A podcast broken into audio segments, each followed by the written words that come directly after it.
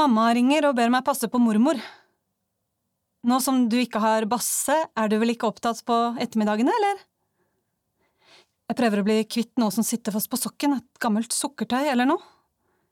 Eh, ja, jeg besøker gjerne, men jeg har mange prosjekter på gang. En avtale med en kurator, blant annet, og… Men… sier mamma, avbryter meg bare. Så vidt jeg har forstått, så har ikke du jobb akkurat nå? Jeg ser ut av vinduet på lekeplassen i bakgården, fester blikket på Huska, frem og tilbake med en liten toåring. Det spørs hva du kaller for jobb, sier jeg, men hvis du mener jobb jeg tjener penger på, så nei, jeg har ikke det akkurat nå. Mamma sier at hun tenkte faktisk hun kunne betale meg litt. Nei, jeg vil ikke ha penger for å besøke mormor, sier jeg. Ingen penger, altså? Ingen penger. Himmelen er hvit, og alle er på en jobb, unntatt meg og mannen i vinduet på andre siden av bakgården. Han dasser fremdeles rundt på kjøkkenet sitt i trusa. Jeg flytter sofaen til vinduet, jeg får kink i ryggen. Sofaen blir stående midt på gulvet. Jeg spiller Mozarts rekvem for å gråte. Unner meg det.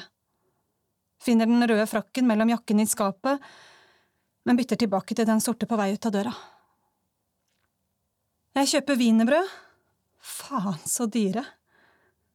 Det er den kaldeste dagen i juni. Jeg må binde skjerfet mitt rundt hodet og trekker hendene inn i jakka.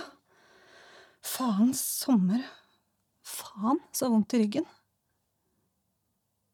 Mormor sitter i stolen ved vinduet. Håret hennes er nyrulla. Frisøren kommer én gang i uka. Det skal ikke stå på det. Blå bukser med press.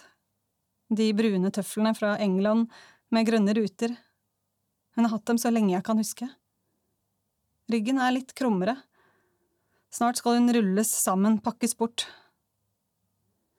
Lukta her har allerede satt seg i klærne mine, krøpet inn i cellene, en følelse av at aldringsprosessen har skutt fart, at noen når som helst kan komme bort til meg, leie meg inn på et rom, og det vil gå opp for meg at tiden min er gått. Jeg har ikke fulgt med, og nå er det slutt. Er det den jenta? sier mormor. Det er det, sier jeg, og jeg klemmer armene rundt den gamle fuglekroppen uten å få ordentlig tak. Det er vondt å bli gammel, sier hun. Ja, det forstår jeg, sier jeg og stryker henne litt opp og ned over kulene i ryggraden. Er det ryggen? spør jeg, og ønsket at det var noen som spurte meg om det. Nei, den, sier hun. Ryggen har alltid vært litt skakk, nei, det er det at det ikke er noen fremtid. Ja, ja, på den måten, sier jeg, ser opp i taket, på de beige, støvete platene. Det er et hull der. Noen har kastet noe hardt. Er det henne? Wienerbrødsmulene drysser ned på bryst og fang som snø eller flass. Tynne flak henger i den lille barten hennes og vibrerer når hun puster ut. Dere er en eng, sier damen på Nav. Hun har krøller og har selv vært der vi er nå. Hun sier at hun ikke kunne dy seg, hun måtte bare vise oss dette, et bilde av en eng tulipaner. Her er dere, sier hun. Prøv å finne dere selv i dette bildet. Er dere her, langt framme, eller små og gule her bak?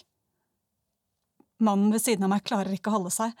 Et fnis blir til en snørrklatt på skjerfet som han rødmende later som om ikke er der. Du ser deg selv, ja, smiler den krøllete damen til mannen med skjerfet. Jeg var også her, en liten gul tulipan helt bakerst, sier hun, men nå er jeg her fremme, stor og lilla. Du har hørt utdrag fra Jeg kunne ha blitt til noen av Marte Magnusdotter Solem.